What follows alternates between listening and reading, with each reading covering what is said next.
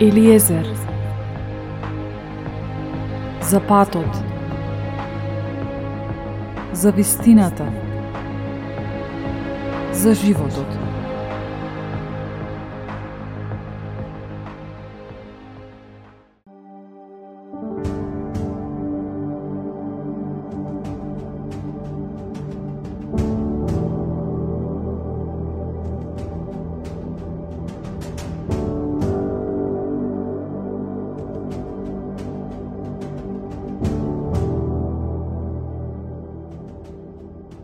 Драги мои слушатели, размислувајќи за тоа дека сите ние сме различни и имаме различен пристап за нештата во животот, вклучувајќи го и разбирањето за тоа кои сме и што сме, и зошто сме такви какви што сме. Решив да го анализирам ова прашање преку Божиот збор –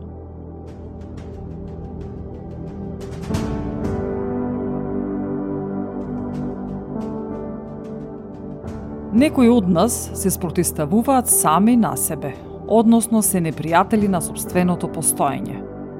Вистинското решение за човек да се разбере себе си е да се разбере неговиот Создател, односно Небесниот Татко, преку неговиот збор. На тој начин добиваме откровение за тоа кои сме ние, што треба да бидеме доколку не сме и што треба да направиме за да живееме во нашиот целосен потенцијал – Апостол Павле во послание до Ефесијаните петата глава пишува Следете го Божиот пример, бидејќи вие сте негови омилени деца. Вашите постапки нека бидат водени од љубовта, токму онака како што Христос, воден од љубов, го принесе својот живот како жртва што му е пријатна на Бог и има сладок мирис.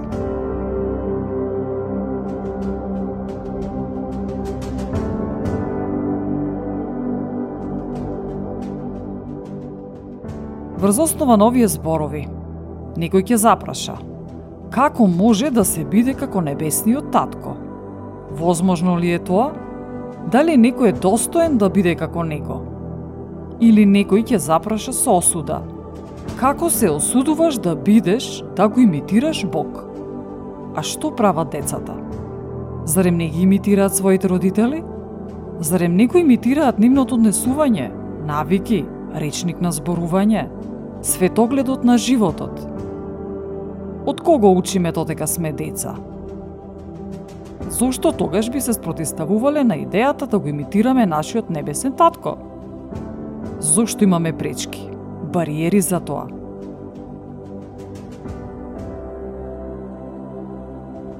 Доколку некој не праша за нашите родители, ние ќе му кажеме, бидејќи не може би целосно, но до одредена граница ги познаваме нашите родители или најблиските со кои сме живееле.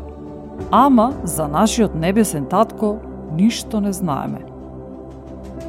И како би го имитирале некого кога не го познаваме? Што се случува тогаш? Се случува војна во самите себе. Стануваме непријатели на самите себе, бидејќи не знаеме за нашата вистинска природа – Не знаеме од каде потекнуваме. Не ја знаеме нашата конфигурација. И во повеќето случаеви ни останува само да нагодуваме. А ветровите на животот се такви. Еднаш ке дувнат во еден правец, друг пат во друг. И така некои од нас остануваат во виолицата на животот.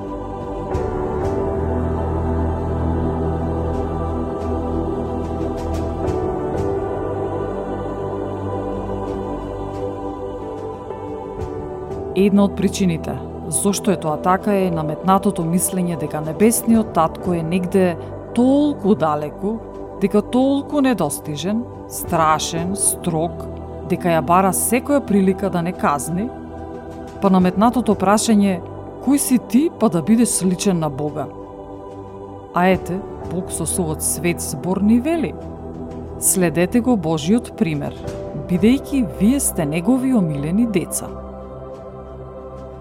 Омилени, го прифаќаш ли фактот дека си омилен, омилена?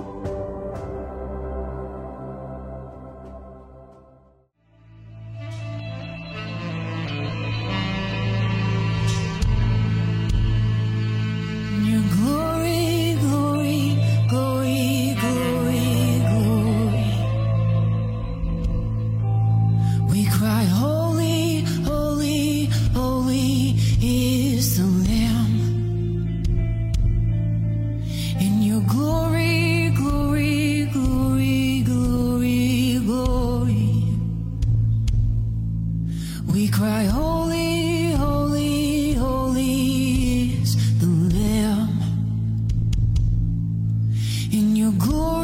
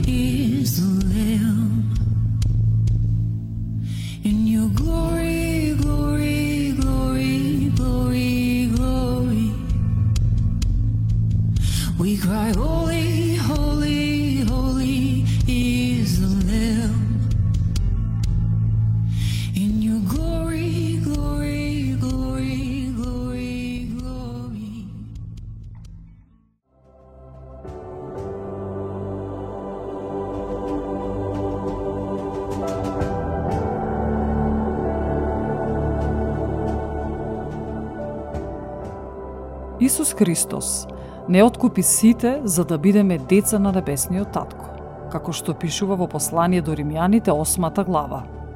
Не го примивте духот на робството за да бидете пак во страв, туку го примивте духот на посинувањето, со кој викаме Ава Татко. Така што, преку процесот на посвојување, ние сме дел од Божјото семејство.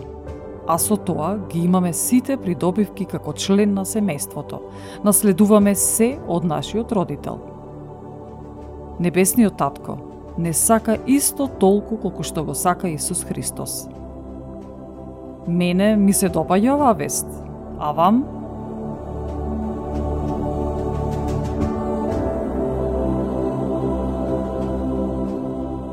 Прашањето е, како доаѓа до забуна, тоест неправилно расудување на тоа што ни се случува?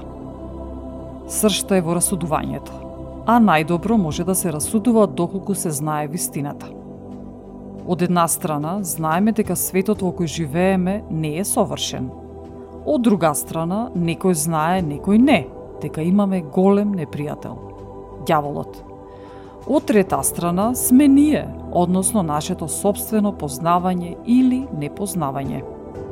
И сето тоа, кога ќе се измеша, тешко дека некој ќе знае од која страна доаѓа заканата, односно проблемот, а со тоа и какво решение да се употреби. Комплицирано е, нели?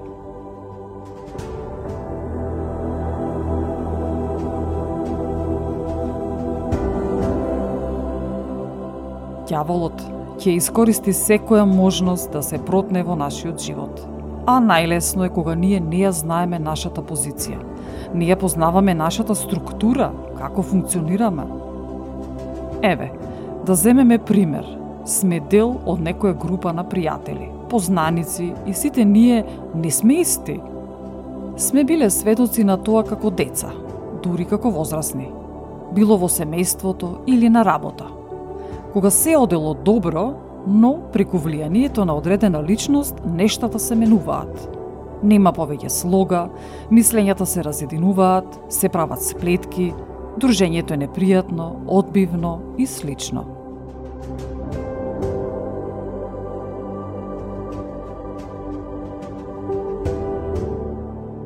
Што мислите? Што се случи? се случи следново. Непријателот, тоест јаволот, ја искористи слабоста на таа личност и преку таа личност ги промени сите останати. Кај некој се појави гнев, кај некој сомнеш, кај некој емотивна повреда и слично. Важно, резултатот е промена, но во негативна насока. Некој од групата може би ќе остане на нозе, бидејќи ја знае вистината, но што мислите за останатите? Зарем нема да се променат на негативно? Како ќе се однесуваат во иднина? Многу прашања, нели?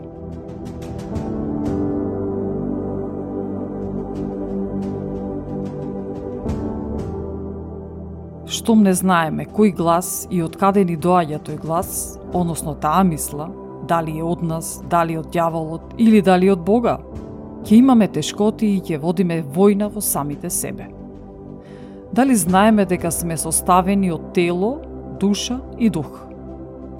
Кој мисли се од душата, која е составена од умот, емоциите и волјата, а кој од духот? Во посланието евреите четвртата глава, концизно е укажано дека Божиото Слово е живо и делотворно и поостро од секој меч, остар од двете страни и навлегува до разделување на душата и духот, на зглобовите и на мозокот, и ги суди мислите и намерите на срцето. Што значи? Доколку го немаме тој механизам, сигурно дека ќе почнеме да се спротивставуваме на самите себе тогаш несомнено ќе имаме поделба во самите себе. Ќе се појави страв, сомнеш, а сето тоа не ограничува, при што подложни сме на измама, искушение. Неправилното расудување доведува до мислење, размислување, доживување, што е погрешно, и на крај имаме погрешни перцепции за нештата.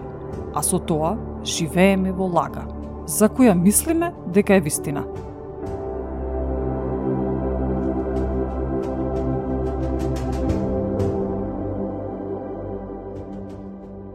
Ако лажните перцепции, емоции, согледувања навлезат до толкава мера во нашето битие, тие на крај целосно ќе не променат. Врз основа на ова, можеме да видиме зошто некои луѓе се однесуваат во сосем спротивна насока од вистината. Прават, реагираат сосем погрешно.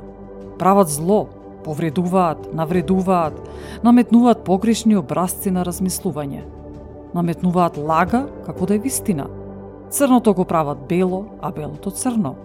Па од тоа постојат сиви варианти, односно ја изобличуваат вистината. На ваков начин, многумина престануваат да веруваат во вистината. Им се намалува верата во добрината, правината. Не му веруваат на Бога. Не веруваат во неговиот збор. И знаете, едното повлекува друго, а другото повлекува трето. И така луѓето стануваат непријатели на себе си но да бидеме реални. Стануваат непријатели и на другите. Многу мина. Наместо да итаат кон вистината, тие менуваат доктрината на верување, само да го оправдаат своето однесување и размислување. Еве да речеме, еден од тие примери може да биде познатата да реченица дека постојат повеќе патишта кои водат до Бога, па секој го приспособува своето верување на таа мисла. А Исус Христос јасно потенцира – Јас сум патот, вистината и животот. Никој не доаѓа при татко ми, освен преку мене.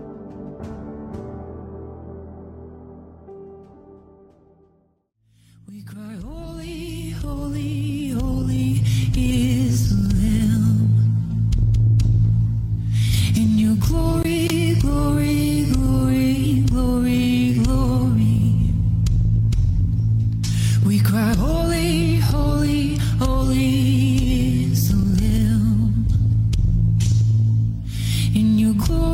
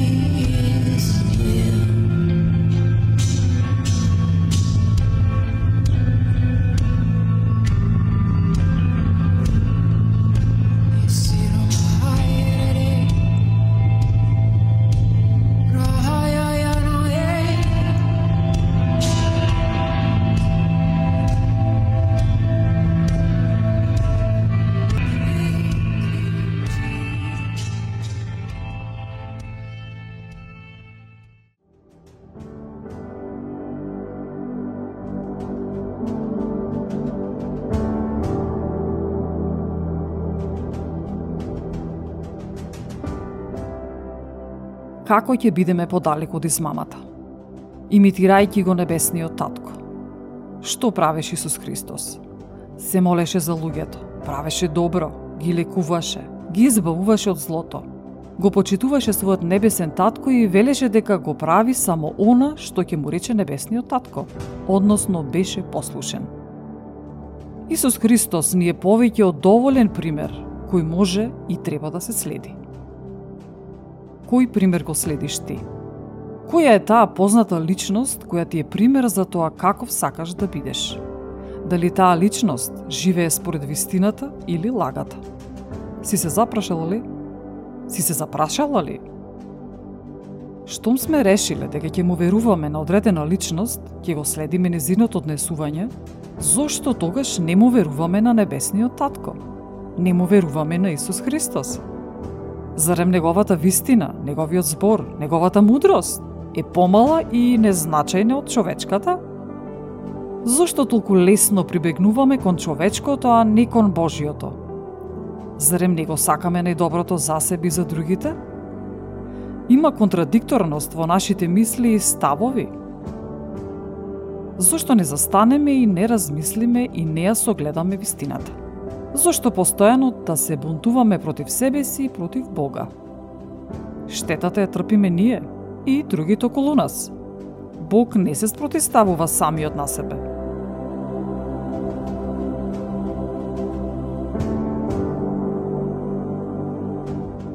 Зошто би се спротивставувале на Божјата волја за нас, која вклучува љубов, совршено здравје, просперитет на секое поле, благосостојба?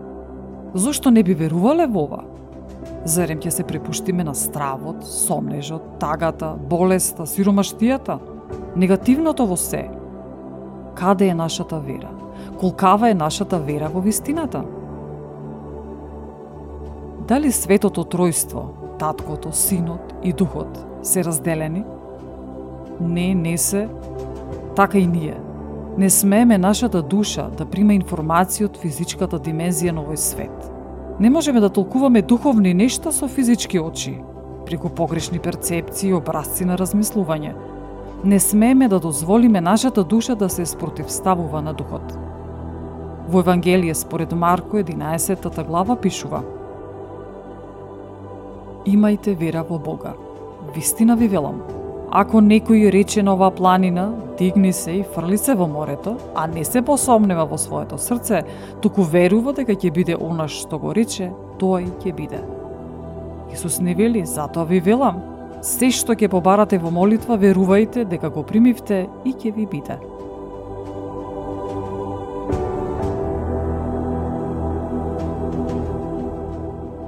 Во ова изјава нема поделба и сомнеш. Но доколку почнеме со умот да размислуваме и да ги наоѓаме сите причини зошто нештото не би се случило, тогаш доаѓа сомнежот. И ние веќе не веруваме и тука доаѓа спротивставувањето. Затоа не смееме да дозволиме ѓаволот да не подели, да предизвика војна во самите нас.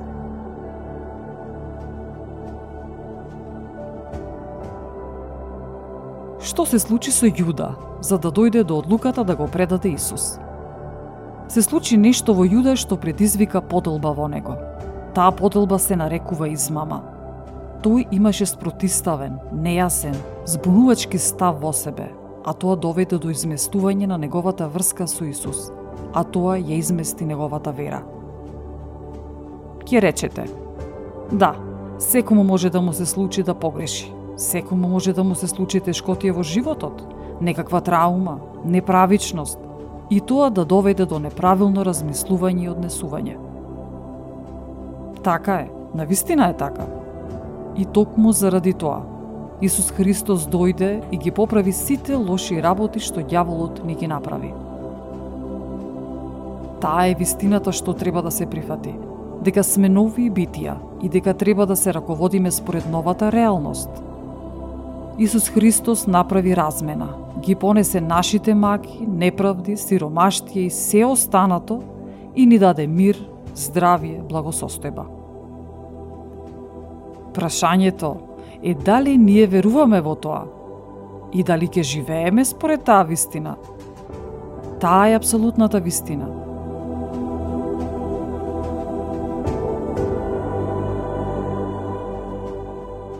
Ако има поделба во нас, ако се спротивставуваме, ако не веруваме, тогаш верувањето и неверието не може да функционираат во исто време.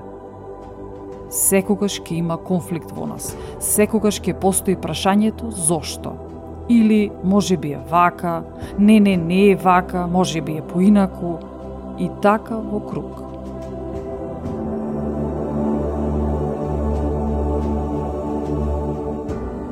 Во десетата глава, во второто послание до коринтијаните е даден одговорот на прашањето што треба да правиме.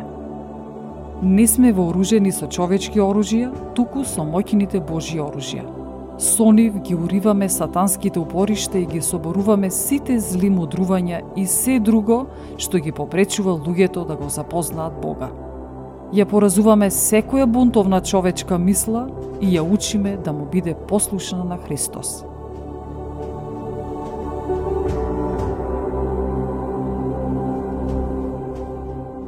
Токму ова треба да го правиме со нашите мисли. Да управуваме и се што е погрешно да го тргнеме и на негово место да ставиме Божја мисла за нашето тело, душа и дух, да бидат синхронизирани според Божјата воља. Не смееме да дозволиме некаква погрешна мисла, ситуација или што било да навлезе во нас, бидејќи тоа ќе затуре нашата душа и нашето срце – И ако дозволиме да бидеме измамени, ние наскоро ќе манифестираме измама, а не вистина. Небесниот татко ни вели: Синко, керко, внимавај на моите зборови и приближи го увото кон моите полки, да не отстапуваат тие од твоите очи. Чувај ги внатре во срцето свое, зашто тие се живот за оние што ги наоѓаат и здравие за целото тело нивно.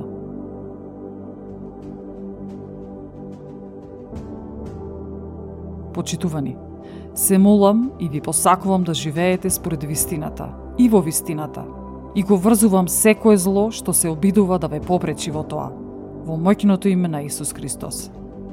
Имајте само убавини. Поздрав до следното издание.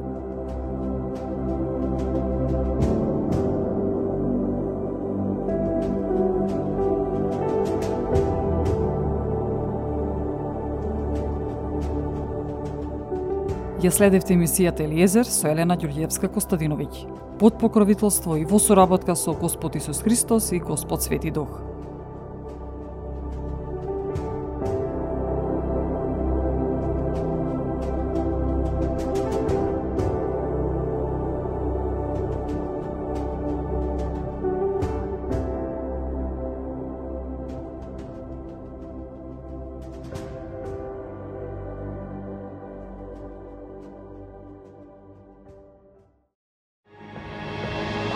Елиезер,